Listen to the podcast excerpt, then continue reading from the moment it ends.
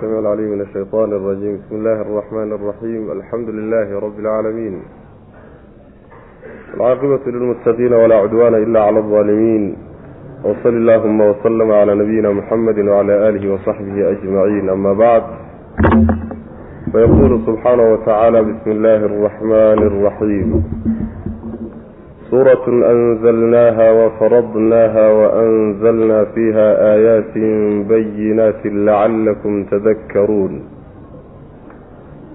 الزانية والزاني فاجلدوا كل واحد منهما مئة جلدة ولا تأخذكم بهما رأفة في دين الله إن كنتم تؤمنون بالله واليوم الآخر وليشهد عذابهما طائفة من المؤمنين waxa uu darsigeenu caawa ka bilaabanayaa suuradda la yidhaahdo suuratu nuur.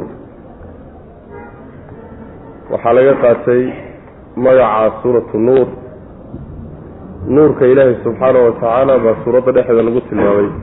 Allahu nuuru asamaawaati waalardi mathalu nuurihi ka mishkaat. Ayaa magacaas laga soo qaatay. Suuraddani marka waa suura madaniya. Qur'aanka qeybtiisa hijrada kadib soo degay buu yay ka mid tahay. Yacni nabiga salawatullahi wasalaamu calayhi markuu madiine u soo hijrooday kadib qur'aankii soo degay ayay suuraddani ku jirtaa. Waxayna ka hadlaysaa oo ay ku saabsan tahay axkaamta sharciga ah. Waa inagii soo kala sheegnay qur'aanka soo degay hijradii ka hor waxa uu u badan yahay inuu diinta iyo usuusheeda iyo caqaa'idda iyo akhlaaqda iyo inuu ka hadlo. Laakiin suuradaha soo degay iyo qur'aanka soo degay hijrada kadib waxay u badan tahay inay axkaamta ka hadlaan. Iyagoo islamarkaa haddana aan ka tegaynin diinta usuusheedii iyo tawxiidkii iyo macnaha risaalaadkii iyo rusushii iyo kama tegayaan iyaga laftooda. Laakiin waxay u badan tahay axkaamta inay xoogga saaraan suuraddani marka waxay ka mid tahay suuradaha axkaamta sharciga ka hadlay.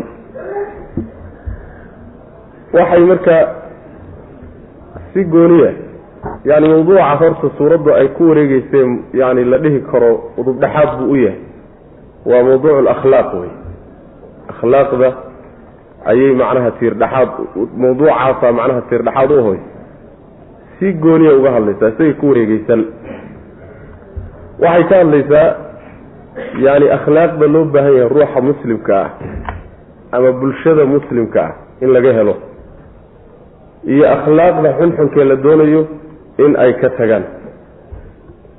Sidaasay marka bulsho cusub oo akhlaaq cusub iyo mabaadi cusub wadata ayay marka dhisaysaa. Oo dhaqamo cusub baa la dhisaya oo xuduud iyo axkaam baa la dhisaya. Nidaamkaasay marka suuraddu ku socotaayo waxay aada u fogeysay oy la dagaalantay waxa zinada la yidhaahdo oo akhlaaq xumada kow ka ah. Zinada. Siyaabo fara badan baana loola dagaalamay. Dadaal fara badan iyo ixtiyaad fara badan baa laga qaatay. Yacni ooda hore ayaa laga sameeyey iyo macnaha waxa weeyaan yacni in la gufeeyo meel kasta oo zinadu ka imaan karto. Yacni waxaa laga hadlay xadda ay leedahay ruuxii la yimaado xumaantuu leeyahay gurigii hadday ka dhacdo oo ninkii haweenaydii isqabay ay ka dhex dhacdo. Yani waxa weyaan mid ka mid a hadday ka dhacdo khaasatan haweeneyda hadday ka dhacdo. Wixii lagu xallin lahaa arrin dhacdaa oo soo martay guriga nebiga salawatullahi wasalaamu caleyh guryihiisii mid ka mid a oo khaasatan xaaskiisii caaisha radi allahu canha tuhmo la tuhmay oo zinadaa lagu tuhmay oo iyadana aadaab fara badan laga dambaysiiyey oo ku soo aroortay ayaa laga hadlay waxaa laga hadlay indhaha in la daboolo haweenka in la asturo waxyaalahaasoo dhan yacni mawduucii akhlaaqda ahaa khaasatan xagga bulshada iyo qoyska iyo fardiga ilaalintiisa ayay macnaha ku wareegeysanaysaa suuradda isla markaa waxayna suuraddu macnaha waxa weyaan aynan yani sidoo kale taaban doontaa adilo fara badan iyo baraahiin ilaahay subxaana wa tacala waxdaaniyadiisa kutusaya way taaban doontaa waxaa kaloo daawan doontaa mabaadidii suuradihii makigu ay ka hadli jireen tawxiidka iyo kulli way ka hadli doontaa iyadana. Laakiin mawduucaasa asaas waa macna. Bismi illaahi magaca alle ayaan ku bilaabi. Bismi illaahi magaca alle ayaan abtadi-u haadihi suura. Suuraddan aan ku bilaaban. Allihii arraxmaani naxariista guud lahaa. Alraxiimi naxariista gaarkaa lahaa. Saasi waa macno oo arraxmaani araxiim arraxmaaniduna waa naxariista adduuniya gaal iyo muslimba loo wada naxariisan. Alraxiimina waa midda mu'miniinta base leeyihiino goonida awe macnaka macaani kalena waa lagu fasira. Suuratun haadihi midani suuratun suurad wey waa khabar mubtadihiisu xadfan yahay. Haadihi midani suuratun suurad wey suuraddaasoo anzalnaaha aan soo dejinnay. Oo wafaradnaaha aan waajibinay yacni ku dhaqankeeda iyo qaadashadeeda aan addoommada ku waajibinay. Wa anzalnaa waxaan soo dejinnay fiiha suuradda dhexeeda aayaatin aayadaan ku soo dejinnay aayadahaasoo bayinaatin cadcad xujooyin cadcadna iyo axkaam cadcadna dhexeedaan ku soo dejinnay lacallakum tadakkaruuna si aad u waana qaadataan. Si aad waanada u qaadataan iyo waxa laydiin sheegay ayaa macnaha loo waajibiyey oo suuraddan loo soo dejiyey. Macnaha axkaamta suuradda ka imaani suuradda waxaa la yidhahdaa macnaha waxa weeyaan yacni waa aayadihii dhowr ah oo meelay ka bilowdaan iyo meelay ku dhammaadaan laba suura la isku yidhahdaa. Marka suuraddana soo socota ayaa la tilmaamaya tani waa suurad aan soo dejinay buu alla lehy subxana wa tacaala. Ha la soo dejiye axkaamtiiyo waxay ka hadlaysa iyo akhlaaqda ay ka hadlaysahay waa mid muslimiinta lagu waajibiyey wey. Mid sunno a ma ah mid laga tegi karo oo macnaha waxa weye layska fududaysan karana maaha waa waajib wey wa faradnaaha. Waxaa kaloo ku soo dejinay buu alla lehy subxaana wa tacaala suuradda dhexdeeda aayado cadcad xujooyin aada u cadcado. Nin walba uu fahmi karoo qancin karaya ninkii u fiirsada macnaha si aad u waana qaadataan baana suuradda loo soo dejiyey oo aayaadka loogu cadcadeeyey oo laydinku waajibiyey. Suuratun haadihi midani suuratun suurad wey suuraddaasoo anzalnaaha aan soo dejinnay annagaa soo dejinno xagga ilaahay bay ka timid wax bashar uu jeebkiisa kala yimid ma ah. Wa faradnaaha waan waajibinayo. Qaadashadeediiyo ku dhaqankeedaan waajibinay. Mufasiriinta selafka qaar waxay leeyihiin wa faradnaaha ay bayannaaha waan caddaynay. Sidaana waa lagu fasiraa wa anzalnaa waan soo dejinnay. Fiiha dhexdeeda waxaan ku soo dejinnay. Aayaatin aayada ayaan ku soo dejinnay bayinaatin oo cadcad. Lacallakum tadakkaruuna si aad u waana qaadataan. Waxaa laga doonayo suuradda loo soo dejiyey aayaadka loo cadcadayni. Waa in idinka dhaqankiina wax laga bedelo wey macna azaniyatu wazani fajliduu kula waaxidin minhuma mi'ata jalda walaa ta'khudkum bihima ra'fatun fi diin illah yani waxa weye akhlaaq xumadii iyo dhaqan xumadii ayay suuraddu markaba gudagashay inay la dagaalanto azaniyatu haweenayda zinaysatay iyo wazani ninka zinaystay fajliduu garaaca oo jeedla kulla waaxidin mid walba oo minhumaa labadooda ka mid a mi-ata jaldatin boqol jeedal ku dhufta walaa ta'khudkum yaynan idin qabanina bihimaa labadooda dartood yaysan idin qabanin ra'fatun turid aada u turaysaan fii diin illaahi ilaahay diintiisa dhexdeeda yacni ilaahay axkaamtiisa fulinteeda turid iyo naxariis iyo macnaha u nuglaan aada kuwaa u nuglaataan yaynan idiin qabanin waa haddii aada in kuntum tihiin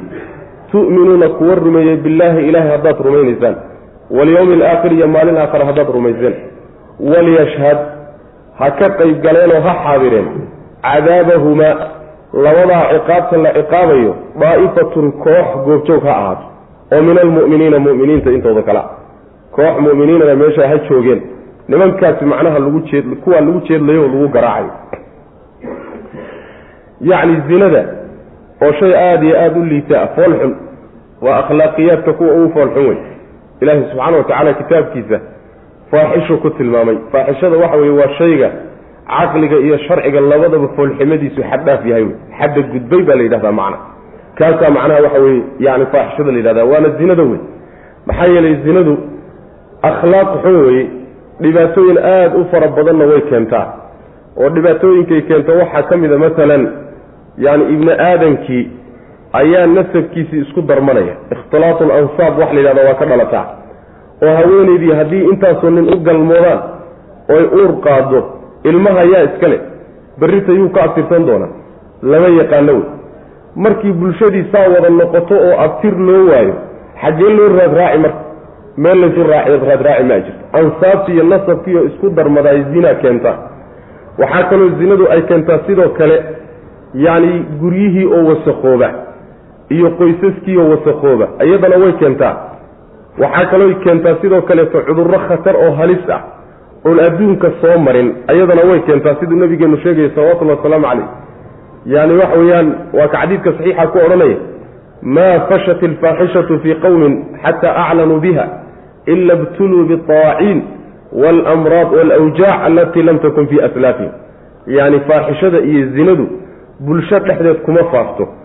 Ilaa ay ka muuqato oon laba qarsanin oo bannaanka lala yimaado.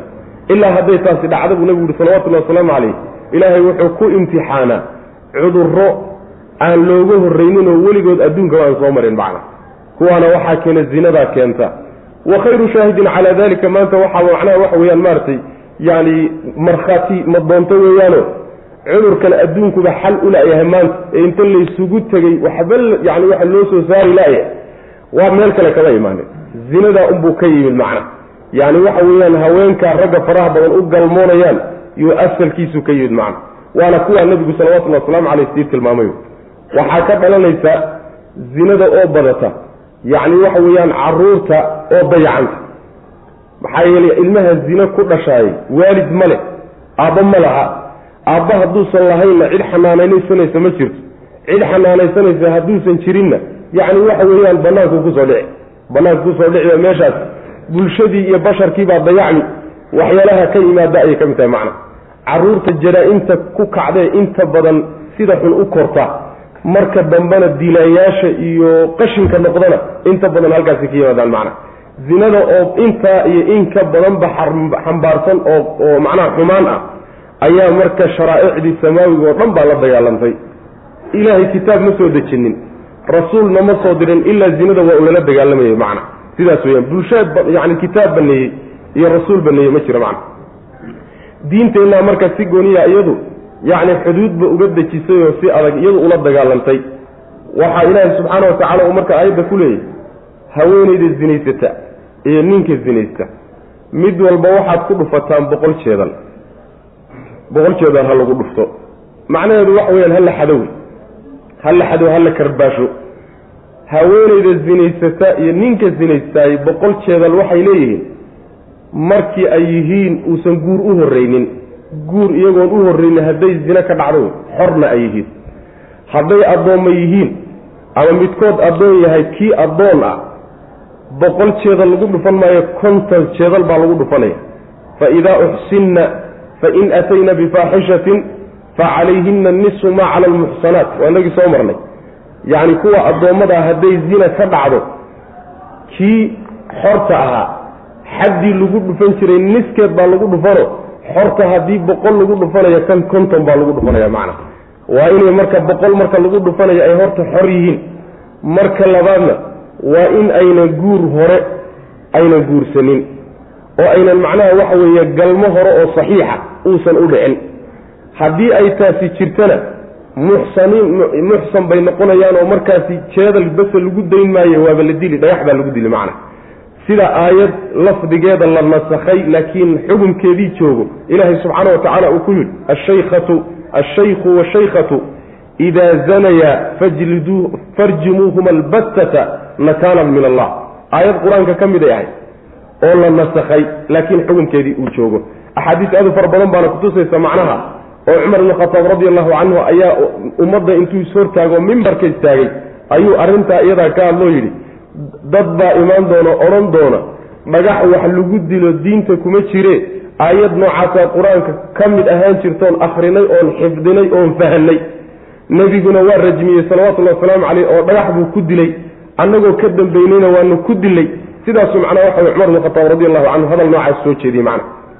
Marka haddii macnaha waxa weye guur u horreeyey waaba la diliba iyadoo dhagax baa lagu dilaya macna. Sidaas weyaan marka boqol jeedal ku dhufta buu alla leeyahy subxana wa tacala boqolkaa jeedal waxaa loogu daraya axaadiista nebigu salawatullahi wasalaamu caleyh ay caddaysay. Midda kale waa la masaafurin.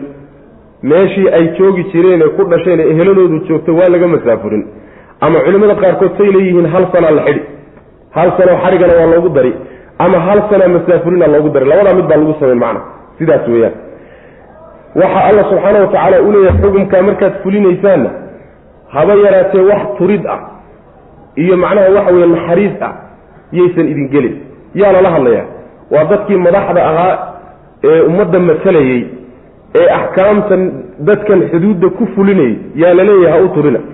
Ha u turina macna. Yaani ruuxan kadaatu turid aada u turaysa daraaddeed xadda ha uga dhaafina hana uga fududaynina ee intii sharcigu ugu talagalay ha lagu dhuftay way macnaha saasaa laga wada haddii aada ilaahay iyo maalinta aakhare rumayseen dadkaasi xuduudda ilaahay tillaabay naxariis iyo turid yayna idiin gelin way macnaha waxaa la doonayaa xumaantaasi inaysan soo laalaabanin oo la xididada loo sii baa la doonaya. Midda labaad si loo fadeexeeyo oo arrintaasi dad kalena ay ugu waana qaataan oo ay ugu cibro qaataan kuwanina dib damba aynan ugu laabanin. Waa in ay muslimiin ama dad mu'miniinoo koox meesha kuwaa lagu jeed lahayo waa inay goobjoog yihiin. Saddex iyo ka badan. Siday culimadu inkastoo isku khilaafsan yihiin koox un muslimiinta ka mida waa inay goobjoog yihiin oo la daawado. Yacni waxa weye la isugu yimaado marka la jeedlayo macna ayagana waa la dhaleecayno waa la ceebeynoo cayb bay u tago bulshada dhexeeday ka fogoormi midda labaad weeyaane yacni waa lagu quus qaadan. Oo nin walba berrita halkaa ayaan lagu keenin buu isdhihi macna. Xididadaa marka loo siibaya wixii zina la odhan jiray. Azaniyatu haweenayda zinaysatay iyadaa lagu hormarin. Waxaa iyada lagu hormarinaya qur'aanku tuugnimada iyo xatooyada markuu ka hadlayay ragguu hormariyey. Alsaariqu wasaariqatu faqtacuu aydiyahuma saa soo marnay markii zinada laga hadlayana haweenkaa la hormariya. Maxaa yeele waxaa la yidhahdaa iyaga asal u ah iyaga asal u ah midda labaad ceebta iyaga soo gaadhaysa way ka badan tahay kuwa ragga soo gaadhay. Haweenayda markay zinaysato ilmaha uurkeeda ku jiraay ilaa ragga uurkiisa wax ma gale. Yacni waxa weeye ninkan kadaa su orday wax tuur meeshana ka dhaqaan ayada laakiin waxa weye ceebtay ceeb baa ku hadhay. Saas daraaddeed bay zinada asal yihiin bay leeyihiin macna. Ama ma ahe raggay ka shahwo badan yihiinna culimada qaar baa cabiro saasaa loo hormariyey azaniyatu haweenayda gogol dhaaftay ee zinaysatay wazaani iyo ninka zinaystay. Fajliduu garaaca oo jeedla kulla waaxidin mid walba oo minhumaa labadooda ka mid a mi'ata jaldatin boqol jeedal ku dhuft waxay nasakday. Aayaddani aayaddan ku soo marnay fii suurati nisa wallaa-i yaatiina alfaaxishata min nisaa'ikum fastashhiduu calayhina arbacata minkum. Fain shahiduu faamsikuuhuna fi lbuyuut soomaahin yacni guryaha ku haya aayaadkaasay marka nasakdayo yani nebigu salawatullahi wasalaamu caleyh waa midka yidhi ilaahay jid buu u yeelay xaddoodiina waa la soo dejiyey kuwii guryaha ku haya laydin yidhi iga hooyo buu nebigu yihi salawatullahi wasalaamu caleyh marka xaddanaa ka dambaysayo aayaddanaa nasakday walaa taakudkum yaynan idin qabanin dadkii xadda fulinahayeyow bihima labadaas yaysan idin qabanin ra'fatun wax turid ah fii diin illahi ilahay diintiisa dhexdeeda. Labadaa turid aada u turtaan axkaamta ilaahay fulinteeda turid wax la yidhahdo ha samaynina ee xasho iyo u tirid iyo u naxariisasho iyo maya. Maxaa yeeley waxaa laga leeya dan weyn baa laga leeyay in kuntum haddaad tihin tu'minuuna kuwa rumaynaya billaahi alla kuwa rumaynaya iyo walyawmi alaakhiri maalinta aakhara kuwa rumaynaya haddaad tihin haddaad iimaan leedin oo dhab uu idinka yahay wey macna. Maxaa yeelay ilaahay xukunkiisa iyo axkaamtiisa iyo xuduuddiisoo la fuliyo ayaa ummadda wax walba u dhaama. Sida nabigeenu uu yidhi salawatullahi wasalaamu calayh laxaddun tuqaamu fi lardi khayrun min ahli lardi min an yumtaruu yacni arbaciina yowman afartan beri in dadka dhulka joogo roob la siiyo. Waxaa u dhaanta hal xad oo ilaahay xuduuddiisa ka mida dhulka lagu oogo. Saasuu nabigeenu leeyahay salawatullahi wasalaamu calayh. Saas wey innagana waa inala fududa waxba ma ah goobjoog ha ahaadeen. Cadaabahumaa ciqaabta kuwaa loo geysanayo waa xaddaas lagu samaynaye iyo karbaashidooda daa'ifatun koox oo min almu'miniina mu'miniinta ka midii goobjoog ha ahaadeen kale loo didiyo oo xumaantaa looga didiyo akhlaaq xumada waa in goobjoog la ahaado macna. Azani laa yankixu ila zaniyatan aw mushrikatan wazaniyatu laa yankixuha ila zanin aw mushrik waxurima dalika cala almu'miniin. Azani midka zinaystay laa yankixu ma uu guursado ilaa zaniyatan mid isagoo kale mid yani isagoo kale a mooyaane. Zaaniyad isagoo kale a mooye mid wanaagsan maba guursadaba aw mushrikatan ama mid gaal a mooyaane ninka zinaystay ama mid sidiisoo kale zinaysatay buu guursan ama gaal buu guursan. Wazaaniyatu haweenayda zinaysatayna laa yankixuhaa ma guursado ilaa zaanin mid zinaystay sideedoo kale. Aw mushrikun ama gaal mooye gaal ama zaani sideedoo kalea unbaaba guursan. Wa xurima waa la xarimay daalika arrinkaa oo guurka ah in zaaniyad la guursado ama gabadh muslimad azaani loo guuriyo xurima daalika arrinkaa waa la xarimay cala almu'miniina mu'miniinta dushooda laga xarimay halkana go-doomin baa lagu samaynaya qaababka loo ciqaabi bay ka mid tahay. Bulshadii baa laga go-doomino waxaa la leeyahay yaan la guursanin. Yaan la guursanin yaanana loo guurinin. Hadday haweenay tahayna mid iyadoo kaleeto ah loo raadiya hadduu guursanayo kaa unbaa guursanoo u mohoni haddii macnaha waxa weeye uu nin yahayna gabdhaha muslimaadkae cafiifaadkae dhowrsan ha laga ilaaliyo oo yuusan guursanin oo yaan loo guurinin macnaha. Maxaa yeelay arrinkaa oo naag zaaniyada inuu nin mu'mina guursado. Ama yacni waxa weeyaan yani oo naag zaaniyada uu guursado nin mu'mina ama gabadh mu'minada nin zaaniya loo guuriyahay arrinkaasi ilaahay mu'miniinta waa ka xarimay. Macnaha aan marnay oo nikaaxa in laga dhigo guurkii iyo caqdigii in laga dhigaayo waa macno culimmada qaar ka mid a ay marayaan. Waxayna macnahaasi noqonayaa ma bannaana in zaaniyad la guursado. Haweeney macnaha gogoldhaafka taqaano oo macnaha waxa wey la yaqaano oo xumaantaa lagu yaqaano oo jidhkeeda ka ganacsatahay in la guursadaayo ma bannaano oo nin dhowrsoonoo muslima uu guursado. Taasay aayadda kususa culimmada qaar baa halkaa maraya. Waxayna ku xoojinayaan macnaha isaga nebigeennu salawatullahi wasalaamu calayhi wuxuu yidhi saddexda ilaahay uusan u naxariisanin ee uu lacnaday waxaa ka mida ninka la yidhahdo dayuuska. Dayuuska waxaa la yidhahdaa waa ninka reerkiisa xumaanta uga raalligaa wey reerkiisa iyo xaaskiisa oo xumaan samaynaysa ninka ku eeganhaye sidaasi kula socdaay dayuus baa la yidhahdaa. Jannada ilahayna ma galo subxaana wa tacala taasay ku sii xoojiyeeno yacni ninka haweenay zaaniyadoo zino lagu og yahay guursanayahay dayuus weeyaan bay dheheen macnaha aayadda ay kutusayso xadiidkuna xoojinaya macna. Aayaddu marka waxay ku soo degtay baa la leeyahay laba sababba waa la sheegaa. Nin saxaabada ka mid a ridwaanullahi calayhim ayaa nebiga wuxuu weydiistay haweenay gogoldhaaf ka taqaanay bal jidhkeeda ka ganacsan jirtay oo madiine joogi jirtay buu yidhi aan guursado umu mahzuul la yidhaahdo. Markaasuu haweeney waxoogaaga meelahaasa wax ka soo gelgeli jiray. Markaasuu nabigu u diiday salawatullhi waslamu caleyh aayaddana marka soo degtay oo loogu diidayo macnaha qolyo kale waxay leeyiin nin la yidhaahdo macnaha waxa weeyaan mirsad alghanawi ayaa wuxuu nabiga weydiistay salawatullahi wasalaamu caleyh naag kale oo macnaha zaaniyad ah oo iyadan la yaqaano ree maka ah in uu guursado ayuu nabiga weydiistay. Aayaddana marka soo degtay oo loogu diidaya macnaha asbaabu nuzuulka aayaddu ay ku soo degtay marka la fiiriyo. Axaadiistaa kalena la fiiriyo. Waxay muujinaysaa in aan la guursan karaynin zaaniyaadka ragga zaaniyiintaana gabdhaha muslimaadka aan loo guurin karayn macna. Sidaasay marka culimmada qaar ka mida marayaan. Qolyana waxay leeyihiin yacni nikaaxani lagama wado nikaaxii caqdiga ahaye waxaa laga wadaa galmadii baa laga wadaa. Oo waxay aayaddu ka warramaysaa dabeecada. Caadatan sida caadiga aba yacni zaaniyadda haweenayda zaaniyadda ah nin zaani ah ama gaal unbaaba u mohonba sidaas way macana nin dhowrsoon hunguriyeenba maayo. Sidoo kaleeto ninka zaanigee akhlaaqda xun ee waxaas yaqaanaay naag xun unbuu raadsan. Lianna tuyuura calaa ashkaaliha taqac shimbiluhu sidoodaba say isugu egyihin bay isu raacac nin walbana saaxiibkiiyo ninka la akhlaaqda unbuu raadsan. Marka waxaa laga warramayaa caadatan wa xurima dalikana marka waxay noqonaysaa waxa la xarimay guurkii meehe waxa la xarimay waxa weeye waa galmada ama gaal loo galmoodo ama zaaniyad loo galmoodo ama gabadhii muslimadda ahaa inay macnaha waxa weye uu ka zinaysto kaasi ama gaal ka zinaysta ama mid zaaniya ka zinaystahay taas wey waxa la xarimay wa xurima dalika laleeyahy macna.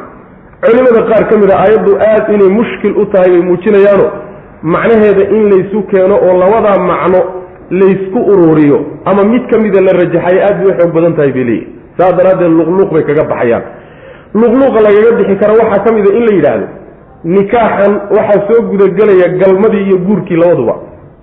Wa xurima dalikana waxaa soo gudagelaya galmadii iyo guurkii labaduba. Saas in la yidhaahdo way fiican. Walow waxoogaa ishkaal luqawi ah ku jira macna. Laakiin intaasaynu ku marayna macna. In guurkaasi uusan suurtagal ahayna waxaa kutusaya nebigu sal lay slam xadiid buu wuxuu ku yidhi yacni waxa weeyaan azani almajluudu laa yankixu ila milahu zaaniga la jeedlay ma guursado isagoo kale mooyaane mid isagoo kalea unbuu guursan saas wey macna. Ama adigu caadatan hala yidhaahdo uma mohdo gaal unbuu u mohoni ama mid zaaniyada sidiisoo kalea ama guurkiibaaba loo diidanya hala yidhaahdee shaki wuxuusan ku jirin nusuusta sharcigu inay diidayso dadkaa noocaasoo kale ah in macnaha waxa weeyaan lala xidido oo yani waxa weye wax lagu darsado oo lala saaxiibo oo loo guuriyo oo laga guur yani waxa weye la guursado aynu sharcigu xarimayo oo diidayo yani waxa weye nusuus kalea kutusin azani ninka zinaystay. Ninka zinada lagu yaqaano iyo xumaanta. Yani sharmuudnimada waay azani azina waxa weye ama dhilaynimo dhe. Ama sharmuudnimo dhe. Soomaaliga saas wey macana zinadu waa kelimo carabiya wey laakiin waa kelimo waxoogaa musta yani waxa wey mustaqbaxo. Afka waa lagala xishoodaa afka waa lagala carraa soomaaliga xataa. Yani waxa wey gogoldhaas iyo waxyaalo kalea la marmara macna laakiin azani haddii la yidhahda iyo azina sax saasay ku tahay macna. Laa yankixu ma guursado mana u galmoodo ilaa zaaniyatan haweeney isagoo kala a mooyaane sidiisoo kale zinaysatay. Aw amase mushrikatan haweeney gaal a mooyaane. Wuxuu uun guursani ama haweeney gaal ah oo gaasha lama guursan kareete wuu u galmoon hadduu guur maagana zaaniyad unbuu guursan ama yacni waxa weeyaan maarata zaaniyad unbuu guursan. Hadduu galmo maagana galmada wuxuu uun ka heli zaaniyad isagoo kale ah ama mushrikad unbuu ka heli. Laakiin mushrikadu guur kama soo gelayso. Wazaaniyatu haweeneyda zaaniyadda iyaduna laa yankixuha ma guursado ilaa zaanin. Mid nin iyadoo kale ah oo sidoodoo sideedoo kale zaani ah. Aw mushrikun mid gaal ah mooyaane.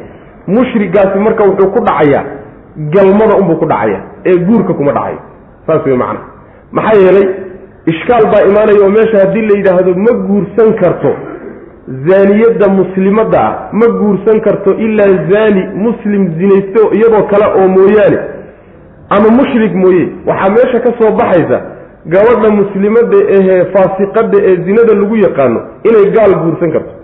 Arrintaasina inay mamnuuc tahay waynu soo marnay sooma marka mushriga waxaa la odhanayaa galmada unbaa lagu gooni yeelaya macna. Haweeneyda macnaha waxa weye zaaniyadda laa yankixuha ma guursado oo uma galmoodo ilaa zaanin mid zaani ahoo muslim oo iyadoo kale a mooyaane. Umana galmoodo guur meeshaa iska dhisage uma galmoodo ilaa mushrikun gaal mooye. Gaal baa u galmoon ila galmadu macnaha waxa weeye iska xaaraamta gaalna waa u galmoon karaa yani waa u galmoodaa. Muslimna waa u galmoodaa caasi ah galmadu labadaba waa ka dhacdaa laakiin guur labadoodaba kama dhaco macnaha zani muslima laakiin iyadoo kale waa guursan karaa wa xurima dalika arrinkaa waa loo diiday oo ama guurka ama galmada ah cala almu'miniina mu'miniinta dushoodaa loo diiday macna. Macnahaas sheikhulislaam ibnu taymiya ragle baa marayo lafdiga nikaaxa in laga dhigo mushtarak bayna alcaqdi waalwad'i saasuu maraya macna. Inkastoo culimada qaarkood ay leeyihiin tacasuf baa ku jiro. Waxoogaa qardajeex wey way kakan tahay bay leeyihiin macna waa yaro kakan tahay oo ma ma dabacsana sidii la rabay uma dabacsana laakiin aayaddu ishkaal marnaba laga waayi maayo labada macno kaad martaba haddaad guurkii ka dhigtana meel unbaa laga bushin. Haddaad galmadii ka dhigtana meel unbaa laga bushin. Aayadda lafteedaa macna saas weeye. Saasaynu marka ka baxayna. Wladiina yarmuuna almuxsanaati uma lam ya'tuu biarbacati shuhadaءa fajliduuhum amaaniina jalda walaa taqbaluu lahum shahaadatan abada waulaa'ika hum lfaasiquun saas marka aayadda aan ku fasirna waxa weeye dadkii zinada iyo akhlaaq xumadaa ku kacay bulshada waa in laga go'doomiyo oo la fongoro. Xumaanta ay ku kaceen daraaddeed waa in laga fongoro loo fongoro lagana guursanin loona guurinin. Taasi waa ciqaab labaadoo lagu sameeye wey macna waaladiina kuwa yarmuuna ganaya zinada ku ganaya almuxsanaati haweenka xorta ahee la dhowray. Zinada laga dhowray dhowrsan wey macna ragga xumaanta ku ganaya ama haweenka xumaanta ku ganaya uma markay ganeen kadibna lam ya'tuu aan la imaanin biarbacati shuhadaa afar markhaati. Fajliduuhum kuwaa waxgalay waxaad ku dhufataan ood garaacdaan. Hamaaniina jaldatan siddeetan jeedal. Walaa taqbaluu hana ka yeelina lahum iyaga shahaadatan. Lahum xaalay iyaga u sugnaatay. Shahaadatan wax markhaati fur abadan weligood. Weligoodna markhaati ay fureen haka dhegaysanin wa ulaa'ika kuwaasi hum iyaga keligood baa alfaasiquuna. Daacada ilaahay ka baxay ila aladiina kuwa mooyaane taabuu towbad keenay min bacdi dalika intaa kadib markay xumaanta ku kaceen kadib kuwa towbad keenay mooyaane oo wa aslaxuu hagaajiye waxay xumeeyeen fa ina allaha alle hafuurin kuwii u dhaafayo wey kii u dhaafayo wey qoladaas raxiimun oo u naxariisanay halka waxaa laga hadlayaa zinadii ayaa la dagaalankeedii lala dagaalamayay baa wuxuu galay afka xataa in laga ilaaliyo waxgal iska daayay xataa afka in laga ilaaliyo in laysku tuhmo xataa bulshadu inay isku tuhumto oo ay isku sheegto xataa in laga ilaaliyo. Ninkii ama haweenaydii marka haweenka ilaashan ee xumaanta ka ilaashan ee mu'minaadka ee haddana xorta ah ninkii zine ku sheega oo xumaan inay galeen oo gogol dhaafeen ku sheegaayo ninka noocaasoo kale ama haweenaydii noocaasoo kale ay ka dhacdaay afar markhaati keen baa la odhanaya markhaati ma u haysaa? Inay zinaysatay. Hadday markhaati keento afar markhaati ay keento markhaatigii la helo oo ruuxii arrintaasi sameeyey ee aflagaadadaa sameeyey uu markhaati keenaayo arrintu waa saalanta ruuxii afarta markhaati ay ku markhaati fureen unbaa markaa la xadaya macna. Waxay gelaysaa aayaddii hore azaniyatu wazani bay gelayaan marka. Ruuxii macnaha wax lagu galay. Hadday markaa afar markhaati keeni waayeen sooma oo halba way waayeen. Ama ma ahee markhaatiyadii baa kala dhimanoo saddex bay heleen ama laba ama hal baa la helay. Saa hadday dhacdo ruuxan wax galay ee zinada ku tuhmay ruux muslima ama ku sheegay siddeetan jeedal ha lagu dhufto. Waa ciqaabta koobaad. Ta labaadi waxa weye weligii markhaatiyaa laga dhegaysanay waa ciqaabta labaad. Ciqaabta saddexaad waxa weye faasiq ilaahay daacadiisa ka baxay. Saddexdaasaa laysugu daray. Wa ulaa'ika hum lfaasiquun waxaa laga soo reebay marka dadka tawbad keenay oo arrinkaa ka soo laabtay oo wanaajiyey wixii hadda ka hor aan xumeeyeen. Kuwa ilaahay uu dembi dhaafay oo u naxariisan. Saasaa la yidhi macna marka waxa yani waxa weeyaan aayaddu ay noo sheegaysaa zinada oo ruux lagu tuhmo oo lagu sheegaayey waa dembi aada u weyn. Bal nabigeenu salawatullahi wasalaamu caleyh wuxuu sheegay yacni toddoba arrimood oo dadka naarta ku ridoo ku halaagtaayey waxaa ka mid ah haweenka muslimaadka ee mu'minaadka ee dhowrsoon ee iskaba halmaansan zinaba. Dadkaas oo lagu sheego zino. Waa toddobada arrimood ee naarta dadka geliyay ka mid taha buu nebigu uri salawatullahi waslamu caleyh halis wey marka ciqaab adduunyana sharcigu waa ka dhigayo ruuxii markhaati waaya siddeetan jeedal baa lagu dhufan. Inta dadka la hor keeno yaa meeshaa lagu fadeexayn. Markhaatina laga dhegaysan maayo. Maxaa yeelay faasiq weeyaan ilahay daacadiisu ka baxay. Faasiqna markhaati maba galaba faasiq markhaati ma galo. Waxaa la yidhi markaa kadib ila aladiina taabuu ila aladiina taabuudaasi xaggay u laabanaysaa. Hadday tawbad keenaan horta inaan xaddii siddeetanka jeedal ahay laga dhaafaynin oo tawbaddu aynan dhaafi karin oo ridi karayn waa la isku waafaqsanya meel dhigtaa haddii markii maxkamadda la hor keeno uu yidhahdo waan tawbad keenay oo been baan sheegayo ka laabtay war laga dhegaysan mee siddeetanka jeedal horta candhadaa loo geli si fiican baa loo garaacay. Ko taa meel dhig. Labada dambe oo ah markhaatigiisa ma la aqbali faasiqnimadiisa ma laga dulqaadi labadaasi tawbaddu ma ka kor qaadaysaa mise mid ka mida ka kor qaadaysaa culimadu waa isku khilaafsayen qaar waxay leeyihiin horta waxaa laysku waafaqsan yahay faasiqnimada inay ka dulqaadayso oo midda damba ugu dambaysa waxaa laysku khilaafsan yahay midda dhexe oo ah markhaatigiisa in la aqbalo ma soo celinaysaa taasay culimadu isku khilaafsan waraajix sida xooga badan waxa weye markhaatigiisa waa la aqbali. Hadduu tawbad keeno markhaatigiisana waa la aqbali faasiqnimadiina waa ka baxaya. Maxaa yeele markhaatigiisa wixii loo diidayo waxay ahayd faasiq buu ahaa faasiqnimadiiba hadday tawbaddu meesha ka saartay yacni waxa weeyaan in shahaadadiis iyo markhaatigii uu furo hadda kadib la aqbalayahay waa markaasi waa iska caddahay macna. Saasaa marka raajixa. Waaladiina kuwa yarmuuna ganaya almuxsanaat way sahlan tahay marka dadkooda aad dadka agtiisa aad bay ugu sahlantahay in macnaha arrinkaasoo kaleeto la sheeg sheego oo dadka lagu tuhmo lagu sheegaayo aad bay u sahlantahay macnaa afku aad bay ugu sahlantahay iyo carab. Laakiin sharciga ilahay ilahay miisaankiisa ma sahlana macnaha ha la iska ilaaliyo marka haweenkiibaa halkan la sheegay haddii zine lagu sheegee ragga haddii zine lagu sheegana waa sidoo kale. Haddaad tidhahda hebel waa zinaystay. Markhaati keenun baa lagu dhihi. Haddaad weydana waa lagu garaaci saas way macana waaladiina kuwa yarmuuna ganaya almuxsanaat. Yarmuuna zina wey. Zinada kuwa ku ganaya almuxsanaati haweenka la dhowray. Muxsanaatku waa xor. Inay yihiin kow. Waa inay mu'minaad yihiin laba. Waa inay cafiifaad yihiin oo dhowrsoon yihiin. Saddexdaa wey macana hadday addoommo yihiin ruuxii addoonta wax ku ganoo zino ku ganay adduunka lagu xadi maayo. Laakiin nebigu wuxuu sheegay salawatullhi wasalaamu caleyh hadduu ku been abuurtay oo uusan run sheegayn aakharaa lagu xadi doonaa. Waa hadday addoon tahay. Haddii aynan mu'minad ahayn oo gaal tahayna iyadana waxa weye xad ma laha. Zinada lagu gano iyo wixii laga sheego.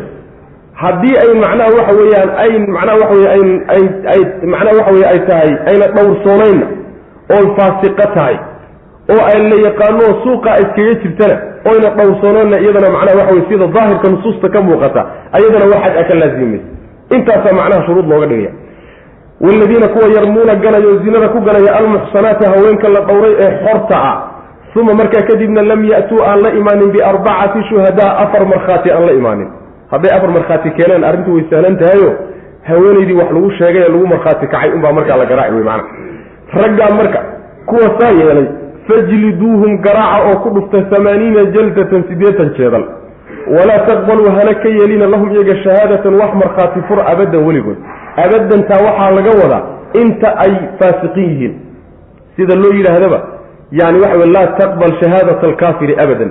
Gaalka markhaatigiisa ha yeelin weliga. Ma xataa hadduu soo islaamo. Maya intuu gaal yahaa laga wadaa. Kana intuu faasiq yahaa laga wadaa macna wa ulaa'ika kuwaasi hum iyagaa alfaasiquuna kuwa ilaahay daacadiisa ka baxay. Xuduudda nimanka tilaabay kuwa wey ila aladiina kuwa mooyaane. Xaggee laga soo reebaya? Waxaa laga soo reebaya walaa taqbaluu lahum shahaadatan wa ulaa'ika hum lfaasiquuna ila aladiina wey laakiin xaddu ma soo gelayso. Ila aladiina kuwa taabuu towbad keenay mooyaane min bacdi dalika intaa kadib. Markii arrintaasi ka dhacday kadib bay towbad keeneen. Oo waa aslaxuu hagaajiyey waxay xumeeyeen. Towbadaasi culimmada qaar waxay leeyiin waxaa shardi ah inuu qirto inuu been sheegahay inuu ku been abuurtayna uu weliba ku daro waan towbad keena keliya laga yeeli maayo. Saasay culimada qaar leeyihiin qaarna towbadda shuruudeedii un la yaqaani baa laga rabaa bay leeyihiin fa ina allaha alla kafuurun kii dembi dhaafayo wey raxiimun oo naxariisanaya. Ninkii kii towbad keena ilahay albaabkiisu waa u furaya naxariistiisuna waa ballaaranta wladiina yarmuuna azwaajahum walam yakun lahum shuhadaau ila anfusihim fashahaadatu axadihim arbacu shahaadaatin billahi inahu la min asaadiqiin halkana arrintii baa lagu sii dhex jiraa farac ka mid iyo qeyb ka mida zinadii laysku ganayey ayay aayaadkani ka hadlayaan. Oo waa zinadu hadday ka dhex dhacdo ganidii laysku ganayey sheegiddii laysku sheegayey reerka dhexdiisii isqabay hadday ka dhacdo ninkiiyo xaaskiisa wey. Waaladiina kuwa waaladiina ragga yarmuuna ganaya aswaajahum haweenkooda zino ku ganaya oo ku sheegaya oo walam yakun aynan ahaanin lahum iyaga shuhadaau wax markhaatiya ana aan lahaynoon haysanin ilaa anfusuhum lafahooda mooye naftooda mooye markhaati kaleba ma hayaan. Fa shahaadatu axadihim midkood markhaatigiisu waxa weeye arbacu shahaadaatin yacni markhaatiga ciqaabtii ka dulqaadaya waxa weeye arbacu shahaadaatin afar dhaarood wey billaahi ilaahay lagu dhaarto innahu isagu ayuu ku dhaarani la min asaadiqiina inuu run ku sheegayo waxa uu ku sheegay xaaskiisa. Waalkhaamisatu midda shanaadna anna lacnata allahi ilaahay lacnadiisu calayhi dushiisa inay tahay wey in kaana haddii uu yahay min alkaadibiina kuwa beenta sheegay hadduu ka mid yahay wuxuu sheegay hadduu been ku sheegayo lacnadda ilaahay dushiisa inay ku dhacayso ayuu ku dhaaray wayadra-u waxaa ka celinaya oo ka difaacaya canhaa haweenaydii xaggeeda alcadaaba iyadana ciqaabtiya xadda waxay iskaga celin kartaa oo ka celinaya an tashhada in ay dhaarato arbaca shahaadaatin afar dhaarood billaahi ilahay inay ku dhaarato innahu isagubay ku dhaarani ninkaygu la min alkaadibiina beenaalayaasha inuu ka mid yahay ninkeedu inuu beenaalayaasha ka mid yahay oo wuxuu sheegay ayna waxba ka jirin bay ku dhaaran waalkhaamisata wa tashhadu way dhaarani alkhaamisata ashahaadata alkhaamisata dhaarta shanaadna waxay ku dhaarani anna qadab allaahi cadho ilaahay calayha dusheeda inay ahaanayso in kaana hadduu yahay min asaadiqiina kuwa run sheegaya hadduu ka mid yahay ninkeedu. Hadduu run ku sheegaya arrintaasi cadho ilaahay dusheeda inay ku dhacdo ayay macnaha waxaway ku dhaarani saas wey macnaha. Walowlaa fadlu llahi calaykum waraxmatu wa ana allaha tawaabun xakiim walowlaa fadlu llah ilaahay dheeraadkiisu hadduusan jiri lahayn calaykum dushiina uu dheeraad siiyey waraxmatu iyo naxariistiisu haddayna jiri lahayn wa ana allaha alla hadduusan jiri lahayn tawaabun u yahay midkii toobad aqbal badan xakiimun oo falsan haddayna arrintaasi jiri lahayn la cadaba alkaadiba minkuma labadiina kii been sheegaya ilahay waa cadaabi lahaa oo adduunkaaba lagu qaban lahaa macna. Markaba macna waxa weye ciqaabta lagu soo dadejin lahaa. Halkani waxa weye aayaddani waxay ku soo degtay horta waxay ka hadlaysaa qoyska reerka isqaba dhexdooda haddii ninku xaaskiisa uu ku tuumo waxa la yidhahda gogol dhaaf iyo nin kaleeto inay macnaha waxa weeyaan u galmooday arrintaasi hadduu ku sheego ayaa marka laga hadlay. Haweeney aydaan isqabin oo xaaskaaga aan ahayn wixii lagu sheego aayada horaa soo sheegay. Laakiin tani waa haweenaydii aada qabtay wey macana xukumku marka intii hore waa ka fududya waxayna ku soo degtay laba ninba oo saxaabada ka mida ridwaanullahi calayhim baa la sheegaayo cuwaymir alcajilaani nin la yidhaah iyo nin kaloo isaga leeyahay hilaal ibnu umaya labadaa ninba qisadoodu way ku soo aroortay. Oo qisadu waxay ahayd nebiga salawatullahi wasalaamu calayhi ayaa nin baa u yimid. Markaasaa wuxuu yihi nebi allow yani markay aayaadkan hore soo degan wey nebi allow buu yidhi ninku reerkiisa hadduu ugu tago nin ka shaqaysanayo muxuu samayn haddii uu dilo oo uu gacan qaado waad dilaysaan. Oo naf muslimuu dilay haddii uu macnaha waxa weeye yacni uu aamusana ciil iyo caru la la dhimano hadda reerkaagi iyo gobashaadiiyo la xumeeye haddana shibdhe waa wax adag wey yacni waxa weeyaan haddaanu hadallana waa macnaha waxay afgalax ku dheg. Haddaanu aamusnana macnaha sida wax laga dayn maayo. Yacni see yeellaa wey marka. Haddii aanu hadallana waa nala garaaci haddaanu wax dillana waa nala dili haddaanu aamusnana waa ciil iyo caro bal tali buuli islaantiisii uu marka ka sheeganaya oo uu nin ugu tegey. Markaasaa wuxuu nabigu salawatullhi wasalaamu calayhi u sheegay inuusan dili karin. Markaasu wuxuu yihi oo nebi allow ma intaanka isagoo dul jooga ugu tago yaan markaa kadib markhaatiye u raadin miya? Intuu hawshiisa dhamaysto soo iskaba tegi maayo. Saas macana saasuu gu yidhi aayaadkana marka soo degay. Ninku marka xaaskiisa ku tuhmay wuxuu ahaa nin la yidhaahdo shariik ibnu saxmaa nin la yidhaahdo. Ayuu ku tuhmay nebigu marka salawatullahi wasalaamu caleyh intaasi markay dhacday buu wuxuu ku yidhi yacni hilaalow ama markhaati baad keeni waxaad sheegayso yacni ka markhaati fura oo haweeneydaada waxaa ku arkay warka jooji ama haddii kaleeto walle dhabarkaaga waa la garaaci. Saasaa lagu yidhi. Yaa isagii waa yaabay marka. Markaasaa wuxuu yidhi walle ilaahay horta anigu run baan sheegayaa. Ninna reerkiisa wasakhayn maayo waxaan jirin waxba ka sheegi maayo run baan sheegayaa ilaahayna subxaanahu wa tacaala waxaan ka filahayaa inuu dhabarkayga macnaha jeedal ka badbaadiyo. Yacni inuu aayado soo dejiyo igu macnaa waxaan sheegaya bal xal un loo helo macna. Aayadahana marka soo degay oo ilaahay subxaana wa tacaala uu marka ku xallinayo arrintii qoyska. Maxaa yeele waa ka gedisantaha haweeney ajnabi ah. Sideedaba waxaa haalib oo la yaqaanaa ninku reerkiisa xumaan kama sheego. Haddayna jirin kulama degdego marka meesha aglabu danni baa yaalla waxay u badan tahay inay waxa wax ka jiraan. Ninkii haddii layidhaha marka ma hadli kartid. Haddii kale jeebal baa ku yaqaana haweenaydiina hayso. Soo dhib maa waa in xalla kale la keeno sooma xalkii waa ka marka nebigu marka salawatullahi wasalaamu caleyh wuxuu u yeedhay hilaal buu u yeedhay. Ninkii xaaskiisa ka sheeganayay waxaa kaloo uu u yeedhay xaaskiisiina waa loo yeedhay. Maxkamaddaa la hor keenay. Markaasaa waxaa la yidhi dhaaro. Wuu dhaartay marka. Isagii baa dhaar maray. Horta waa la waaniye waa la wacdiyey waxaa la yidhi warnimayo cadaabka adduunyo ayaa cadaabka aakharo cadaabka adduunyaha ka fudud iyo xad laydin mariyo. Warnimayo hashalaagina war ilaaha cadhadiisa ha u bambixina aad baa loo waaniyey. Markaasu wuxuu yidhi dhaartii isagaa ku hormaroo wuu dhaartay. Afar dhaarood buu maray. Hadduu been sheegay macnaha afar dhaarood buu wuxuu ku maray ilaahay buu ku dhaartayo inuu run sheegahay buu afar goor dhaartay. Middii shanaadna wuxuu yidhi lacnad ilaahay dushayda ha ku dhacduu yidhi haddaan been sheegayo oon arrinkaa ku been sheegayo ayadii baa loo yimid dhaaraa la yidhi marka way dhaaratay. Tii shanaad markay u laaban tahay yaa marka la waaniyey nebigu wuxuu yihi war waaniya war wax u sheega war cabsiiya naa ka joog baa layidhi naama sahlana naa hayshalaagin naa cadaab adduunyaha fudud waa lagu akriyey sidii loo waaninayay marka waxoogaa dib bay u yara guratay yacni hashkateen bay bilowday inay qiranayso iyadoo la filahayo inay qiranayso oo wax sheegi doonto hay markii dambe tiri walle tolkay inaana maanta ceebeynayn markaasay ku dhufatay tii shanaadna maa tii shanaadna way ku dhufatay.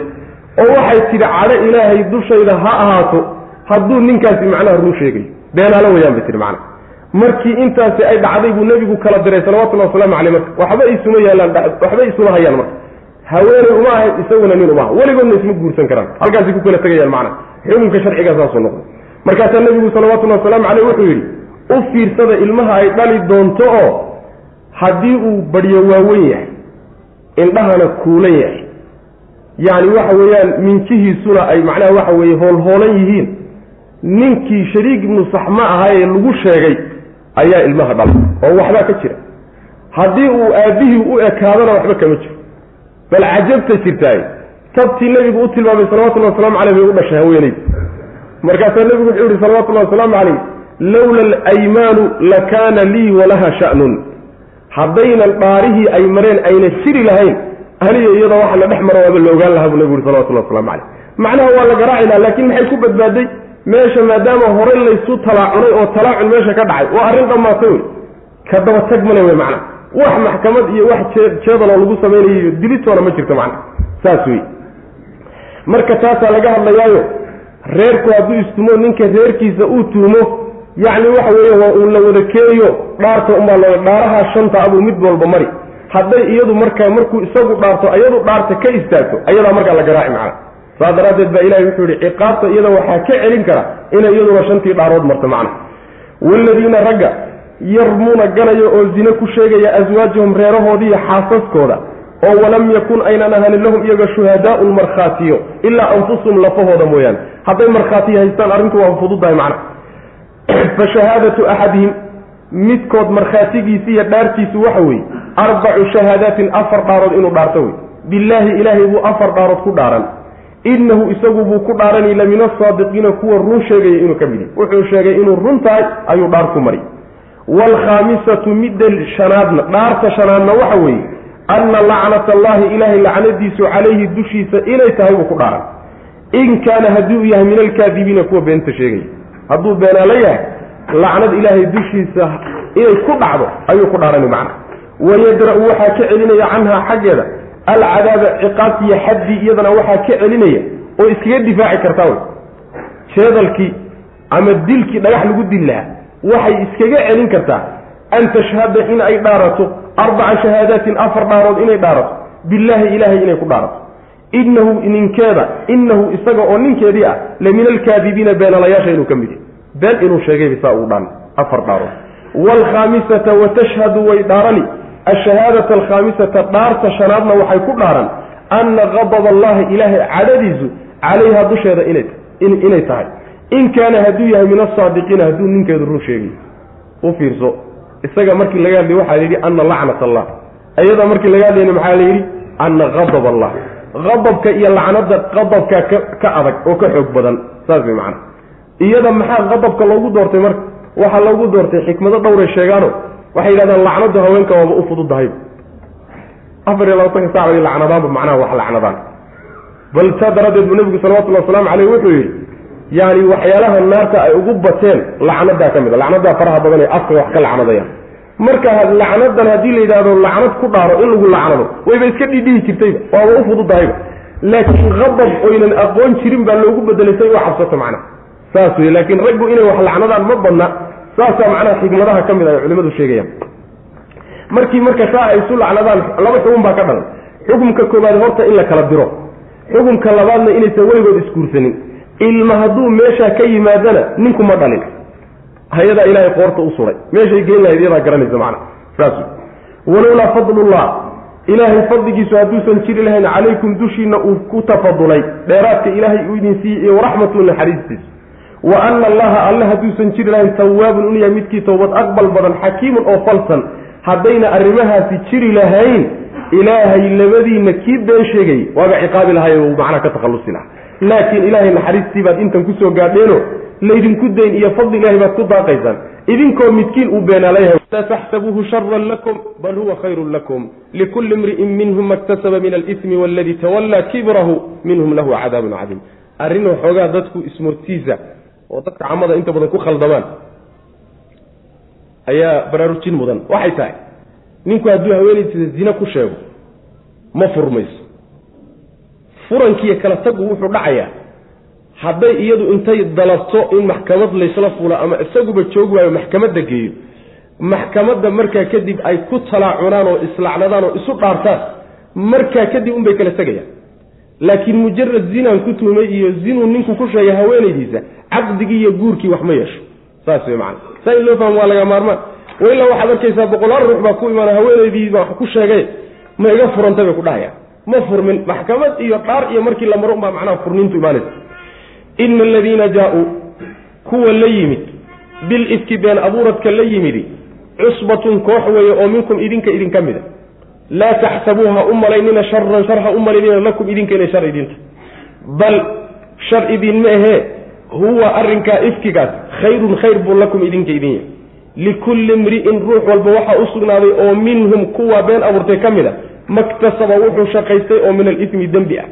Waladii midka tawallaa tawalliyey kibrahu been abuuradka qeybtiisa weyn ninka ka shaqeeyeyna oo minhum kuwaa ka mid a lahu waxaa u sugnaaday kaa isagaa cadaabun cadaab baa u sugnaaday cadiibun oo weyn. Aayadda laga bilaabo. Ilaa laga gaadho qawluhu tacaala yaa ayuha aladiina aamanuu laa tadkhuluu buyuutan hayra buyuutikum oo aayadda yani waxa wey labaatan iyo toddobaad ah. Aayadaha labada aayadood u dhaxeeya oo dhan waxay ka hadlayaan hal arrin bay ka hadlayaan hal qiso hal dhacdo oo xilligii nebiga dhacday salawatullahi wasalaamu caleyh waa dhacdada looliya loo yaqaano dhacdadii ifkiga dhacdadii been abuuradka marka la soo gaabiyo warkeedu wuxuu ahaa nebigeenna salawatullahi wasalaamu caleyh caadi waxa uu ahaan jirtay markuu socdaal maago oo ama duulaan u baxaya ama si uun u safrayo reerihiisa iyo xaasaskiisa qaar ka miduu kaxaysan jiray. Intuu u qori tuuro talba tii qorigeedu soo baxo yaa la raaci jirta nebiga salawatullahi waslamu caleyh duulaamadiisii qaar ka mid a marka uu u qori tuura caaisha qorigeedii soo baxay. Way raacday markaana waa gabadh yar. Oo macnaha waxa weeyaan guurkeed guurki macnaha yani la aqalgalkeedaaba cusbaa markay raacdo nebigu duulaankii ka soo laabtay oo uu jidka ku soo jiro ayaa marka waxaa dhacday caaisha radi allahu canha haweenka carabtu waxay samayn jireen haweenka way naga yaqaanano haweenka aad bay u koolkooliyaan waxay markay samayn jireen socdaalladaasoo kale haweenka lugeeya lama dhihi jirin sida soomaalidoo kale. Awrta inta loo raro ayaa loo samayn jiray sanduuqyo waaweyn oo la geliyo. Markaasaa lagu wadi jiray. Caaisha radi allahu canha marka hawdaj baa la yidhahdo sanduuqoo kaleo awrta la saari jiray bay ku dhex jirtaa lagu wadaa. Yani waxa weye soo laabadkii markii la soo laabto habeen buu marka nebigu meel degay salawatullahi waslamu caleyh markii meeshii la degay ayaa caaisha marka waxoogaa dibadda inay u baxday iyay damacdayo meelaha ay ku soo dangudato. Markay baxday soo dangudatay soo laabatay yaa kuul ay qabtay baa marka ka luntay way ka dhacday. Kuushii bay marka raadinteedii gashay habeennimadii intay kuushii raadinaysay baaba nebigu salawatullahi waslamu caleyh ogeysiis bixiyeyo ciidankii wuxu yidhi hala guuro. Waaba la guurayba. Hawdajkii iyo santuuqii ay geli jirtay ratiga lagu saari jiray nimankii qaadi jiray baa intay yimaadeen oo santuuqii qaadeen bay ratigii saareen waxay la tahay markaa inay iyadii ku dhex jirto. Oo maxay u dareemi waayeen? Haweenku markaa maynan cayilino yacni waxa weeyaan hilba ma fuulin say leedahay. Midda labaadna gabadh yaroo da-yar waaye. Saa daraaddeed baa santuuqa hadday ka maqantahi hadday ku jirto waaba isku miisaan dhow yahay. Intay moodeen inay ku dhex jirtay meeshii saareen. Markii la dhaqaaqay oo meeshii laga tegey caaishana ay soo heshay kuushii ayay iyadoo socotay meeshii timid. Mise meeshii waaba xeray laga guray way caqli badnayd oo marka waxay tihi alaleeya haddaad hadda dhaqaaqdood raad qaadto waad amban eh. Meeshaadan iska fadhiiso kolleyba markay ku waayaan way unku soo raadin doonaan. Meeshii bay iska fadhiisatay.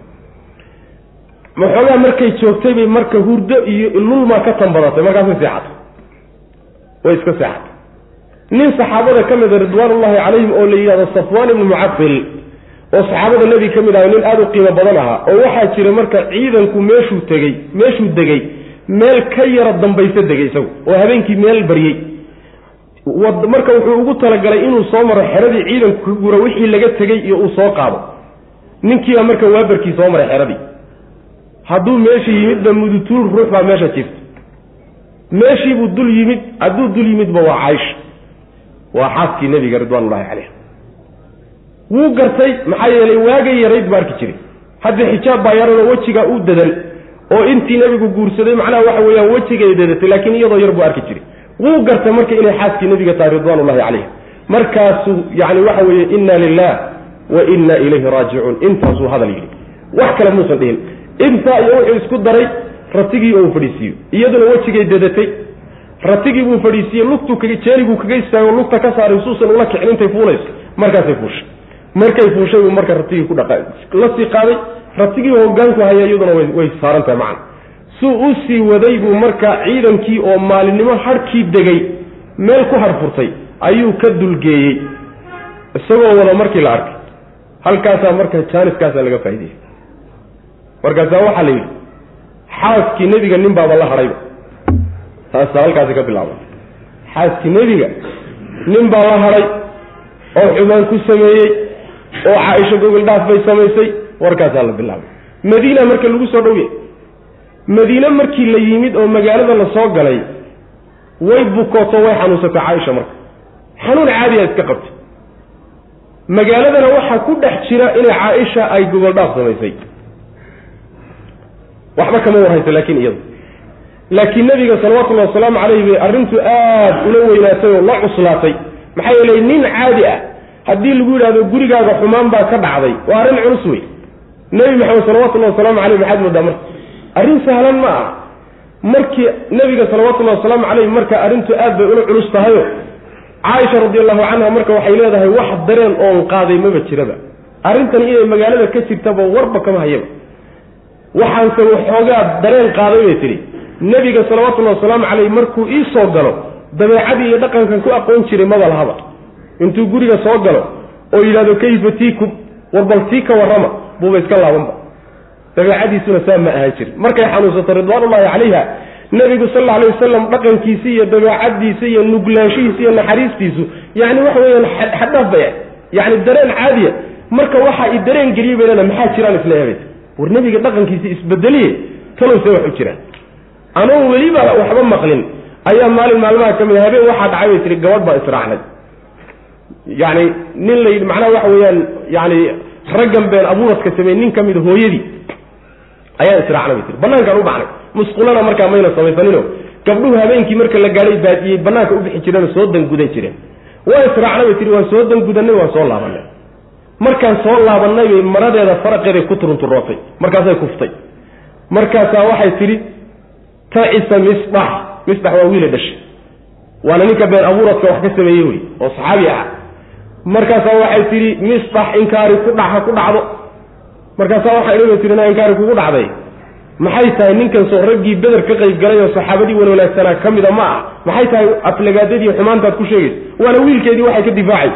Markaasaa waxay tidhi nacastiyey waxa jira kama warhaysid miya. Waxa uu sameeyeyse ma ogid miya. Markaasaa intaan dareen qaaday baa waxaan yidhi maxaa jira? Muxuu yidhi markaasaa waxay tidhi arrintiiba ii sheegtay. bay magaalada muddo bil aba arrintaasaa ka jirta oo xumaanta inaad xumaantaa samaysay baa lagu hayaa oo ragga ka shaqeeyena misdaxbaa kow ka caaisha radi allahu canha oohin bay markaa bilowday. Gurigii markay ku soo laabatayba ilan arrintii markii dambe dib bay u xusuusatay. Dareenkii nebigay dib ugu laabatay oo wixii waxay la noqotay waa la weynaatay. Markaasaa waxay leedahay oohin iyo hurdadii oo ka tagtay. Ayaa isugu darmatay. Hurdadiina waa ka tagtay oohin iyo ilmana waa macnaha waxa weye waa wadaa yacni waxa weye gurigiina waa joogtaa sidaa iyadoo ah yaa maalin maalmaha ka mida nabigaa u yimid salawatullah waslamu caleyh wuu soo salaamay sidii caadiisa aan le markaasuu yidhi kayfa tiikum? War bartii ka warrama. See waya xaalkeed. Markaasaa idhi bui nebi waxaan ku dhiba tiri nebi allow waxaad ii ogolaataa inaan reerkanagii aado. Aabbiyo hooyo inaan u tago ii ogolow. Waa yahay buu nebigu salawatullah waslamu caleyh way baxday aabbaheedii hooyadeed gurigoodiibay tagtay. Aabbaheed waa abubakar aabbaheedii hooyadeed gurigoodii bay tagtay. Markaasay warsatoo tihi hooyoy arrimaha la sheegaya say wax uga jiraan. Markaasaa waxay tihi hooyo iska fududee waxba ha isdhibin macnaa waa jiraan laakiin waxba ha isku dhibin. Maxaa yeelay caadi waxa ah haweenka dangalooyinkee laysla qabo haweeney mid ka mid a haddii ninkeedu jecelyahay qurux badantao agtiisa ay kuwa kaleeta kaga fiican tahay caadi waxaa in la xasto marka xasad unbaa meesha ku jire hooyo waxba ha isdhibin bay ku tiri macna. Markaasay hubsatay inay arrintu jirto. Markaasay habeen oo dhanna hurdo aynan arkaynin maalin oo dhanna waa soo jeedaa ilmaduna ma kala go'ayso. Xaaladaasaa muddo daa'imtay nebigu salawatullhi wasalaamu caleyh muddo markay arrintaasi taagnayd ayaa marka wuxuu u yeedhay caliy bnu abi aalib iyo usaamata bna zayd labadaa nin oo saxaabadiisa ka midu u yeedhay markaasuu yidhi war bal taliya. Xaal meeshaasuu marayaay bal caaisho maxaan ka sameeyaa maxaad ku talin lahaydeen? Intaana wax waxyi oo soo degay ma jiro. Markaasaa caliy bnu abi aalib wuxuu ku teliyey nebigo haweenku waa fara badan yihiin ilahay haween waa badiyey. Iyada aan ahayn haddii aad sidan taataba ugu dhibaatootay iska sii daa kuwa kalena guurso. Waxaanse ku leeyahay bal gabadhii u adeegi jirtee bariiro la dhihi jiray bal xaalkeeda ka warso. Waxay kuu sheegtana wax ku qayso. Nebigu salawatullahi wasalaamu caleyh taladii cali buu yeelayo bariiruu u yeedhay bariiruu yidhi bal ka waran caaisho maxaad ku arki jirtay? Waa haweeney addoon ahaan jirtay oo u adeegi jirtay caaisho oo macnaha khaadimad u ahay weligaa waxaad dareento ood xumaan u malayso iyo rag u soo gelgelaya weligaa caaisho ma ku aragtay buui waxay tidhi ilaahay baan ku dhaartay wax xumaan aan ku tuhmo ama waxaan sheego ku garan maayo bat hadday ka maarmi weydo ceeb in loo sheega ay noqoto. Waa gabadh yaroo foodley oho yacni cajiinka markay canjeerada iyo qasto iyo habeenkii ka seexata. Banaanka iyadoo taalla markaasay waxarta tuugta intay soo wareegtay cajiinkii cuntaa macna intaasaa wax ceeba u garanayaa bay sidaa cali bin abi taalib baa ku teliyey usaama isagu wuxuu ku teliyo nabiga ku yidhi salawatullhi wasalaamu caleyh nebigo reerkaaga hayso waxaba yaraatee xumaanow aan ku ognahay ma jirtee reerkaaga haysa buu nabiyuu ku yidhi usaama oo ku teliyey waxaa la yidhaahdaa caaisha radi allahu canha cali xataa waa dambe waxoogaa dareenaa qalbigeeda ku jiri jiray. Oy cali u hayn jirta maxaa yeelay nebiga furta iska fur haddayba sidan kuu dhibta haweenku waa farabadan yihiin. Intaasay macnaa xanaaq dambe iyo urkudaallo dambe ka yeelatay baa la dhihi jiray macna. Marka yacni nebigu salawatullahi wasalaamu caleyh intaasi markay dhacday ayaa marka saxaabadu isugu yeedhay nebigu sal alay waslam wuxuu ka dacwoonayaa raggii arrintan sameeyey war reerkayga waxba kuma ogiye. Niman yahu yaa iga qabta nimanka reerkaygii ka baxsan la'ye oo gurigaygii ka baxsan la'ye oo reerkaygii iisoo gacmo dhaafay niman yahu yaa yac iga yidhahdo iga qabta markaasaa waxaa istaagay ninkii la odhan jiray sacad ibnu mucaad oo ree aws oday u ahaa. Ugaadkii ree aws ahaa qabiilka ree aws. Wuxuu yidhi nebi allow annagaa kaa qaban. Hadduu reerka aan ugaadka u ahay ka dhashayna annagaa yani waxa wey ka takhallusayna hadduu walaalaha naga ree khasraj ka dhashayna amar baadna siinoo waxaadna abartoon baanu ka yeeli. Markuu intaa yidhi yaa qoyskii kale ugaaskoodii oo isaga la dhihi jiray sacd ibnu cubaada ayaa istaagay markaasuu yidhi been baad sheegtay. Beentaa wey waxbana ma yeeli kartid mana dili kartid mana taaban kartid buu ku yidhi. Min ree khasraj ah seebaad macnaha gacanta ula soo laacay kadhaysa waxoogaa xamiya ficillaa ku yara dhaantay ficillaa yaro qaaday. Ila raggu macnaha waa cusbaayeene ficillaa yaro qaaday. Usayd baa marka ka daba istaago wuxuu yidhi beentaa way adiga adaa beenaala ah. Munaafiq baadna tahay munaafiqiintaana u doodaa. Waana dilaynaabuu ku yidhi. Arrintii kululaatay sooma jeed ree us iyo ree khasraj bayba noqotayba waa la kala baxay. Car iyo car bay gaadhay. Meel halis a markay marayso nebigu salawatullahi waslamu aleyh waa ku dhex jira. War joojiya war ka daaya waaba dejinaya. Arrintii caaisho gudubtay. Gurigii nebigana waa ka gudubtay. Waxayba gaadhayba inay yani waxa wey saxaabadiiba ay isku baaba'aan. Halis bay macnaha waxa wey qarkay u istaagtay. Nebigu arrintii waa kala dejiyey salawatullahi waslamu caleyh saxaabadiina waa la kala diray. Oo arrintii waa baaba'day. Intaa markay marayso ayuu nebigu salawatullahi waslamu aleyh marka caaisha u yimi wuu u soo galay. Wuxuu yihi caaishoy horta ilaahay baa xaal iyo say wax u jiraan og. Haddaad dembi samaysay ood is og tahay inaad xumaan gashayna ilaahay u toobadkeen haddii aadan yacni xumaan samayninna ilaahay subxaana wa tacaala uu ku beri yeeli doonaa. Markaasaa hooyadeedii abeedna waa la fadhiyaa. Markaasaa waxay tidhi hooyey nebiga igala hadal oo u jawaab. Markaasaa waxay tihi hooye waxaan ugu jawaaba nebiga anuu garan maayo aabbow iiga jawaabo nebiga jawaab sii waxaan ugu jawaabo anigu garan maayo aabbana saasuu ku jawaab abubakar wey. Markaasaa waxay tihi iyadaa marka hadalka qabsatay markii loo jawaabi waayo yay marka macnaa hadalka qabsa waxay tidhi waxaan ogahay bay tihi horta hadal baa idiin horreeyey oo dhegihiinna galay. Haddii aan hadalkaa dhegtiinna u horreeye aan qirto oon been sheego anigoo ilaahay ogsoon yahay inayna jirin haddaan maanta in idhaahdo waan sameeyey gogol dhaafka waad iga rumaysanaysaan bay tii say wax u jiraan haddaan idiin sheego oo inayna waxaasi jirin ana iga rumaysan maysaan igana qaadan maysaan. Maxaa yeelay dhegtiinna war baa u horreeyey. Dheg war u horreeyeyna wax kaleetoo ka dambeeye ma qaadato aniya idinkana hal tusaale un baan heli karaaba tiri. Qur'aankana wax badan ma xifdisnayn bay tii wax yar baan ka xifdisnaa. Qisadii nabiyullaahi yuusuf un baan macnaha wax yar ka soo qaatay oon tusaale u soo qaatay fa sabrun jamiilun wallahu lmustacaanu calaa maa tasifuun. Inaan marka iska adkaysto iska dulqaato ilaahayna aan kaalmaysto intaa uu waya tabartayo maxaa yeelay waxba layga yeeli maayo maantood haddaan daldalmo wax sheega macna. Intaasay marka ku jawaabtay wayna iska jeedsato hurdadii way iska seexatay dhankaasay isaga jeedsatay macnaa ilmadeedii oohinteedii bay iska wadataa. Intaasi markay dhacday ayaa marka nebiga salawatullahi wasalaamu caleyh isagoon meeshiiba ka kicin. Dadkii meesha fadhiyeyna uusan meesha ka kicin ayaa nebiga waxaa qabatay xaaladii qaban jirtay markii waxyi ku soo degay. Xaaladii qaban jirtay macnaha isbeddel nebigu waxyigu waa culus yahayo markii waxyi ku degayo oo malakul jibriil yimaado oo qur'aan loo sheegayo nebigu salawatullahi wasalaamu calayh si kasta hadday maalintu u qabowdahay waa dhididi jiray nebigu salawatullahi wasalaamu calayh dhidid waa weyn ayaa ka soo boodi jiray. Marka xaaladii baa qabatay waxari iyadoo la joogin nebiga arrintii baa ka faydantay markaasaa nebigu wuxuu yihi salawatullahi wasalaamu calayhi abshiri ya caaisha. Caaishay bishaarayso ilaahay waa ku beri yeelay. Aayaadkana marka soo degay. Markaasaa hooyadeed baa waxay ku tidhi na istaago nebiga isu taag. Markaasaa waxay tidhi ilaahay baan ku dhaartay inaanan isuna taagaynin mahadinayninna ilaahay baan mahadin bay tii saasay tihi macana maxaa yeelay markii arrintu jirtay hadda ilaahay xaggiisa ka timid beriyeelidayda lay beri yeelay mana ayna filaynin in aayada ku soo degi doonaane. Horta waxaan qabay bay tihi kalsooniya inuu ilaahay beri yeeli doono. Laakiin waxaan islahaabay tihi qur'aan baa kugu soo degi. Sidaa waan iskala liitay oo qur'aan baan lagu soo dejin isma lahayn. Laakiin waxaan islahaa nebiga ku riyoon doona arrinta oo sidaasaa loogu cadayn doona saasaan islaamay marka waxay tihi maadaama markii warka la wadwaday nebigu igu qanci waayey oo sheekadiiba ay qalbigiisa wax ka galeen hadda maanta ilahay un baan mahadina isaga mahadin maayo bay tihi macna. Halkaasay marka qisadii ku gabagaboodayo qur'aankana marka soo degay qur'aankani marka dhow dhinacba waa leeyahy dhinac waxuu edbinayaa dadkii muslimiinta arrinta dhex galay ee sheekadan qaatay ee qaadaa dhigay ee aqbalay. Waa la edbin. Waxaa loo macnaha tacsiyeyni reerkii wax ku dhaceenee reer abubakar ahaa iyo nebiga salawatullahi wasalaamu caleyh reerkiisii intaba waa loo tacsiyeyni muslimiinta dambena digniyo fara badan oo arrintaas ku saabsan wararka la kala qaado ah ayaa marka ay aayaadku ka hadli doonaan. Waa darsigeena inoo soo socday insha allahu tacala hada wabillahi tawfiiq. Wsala allahuma waslama cala nabiyina muxamedi wcala alihi wasaxbihi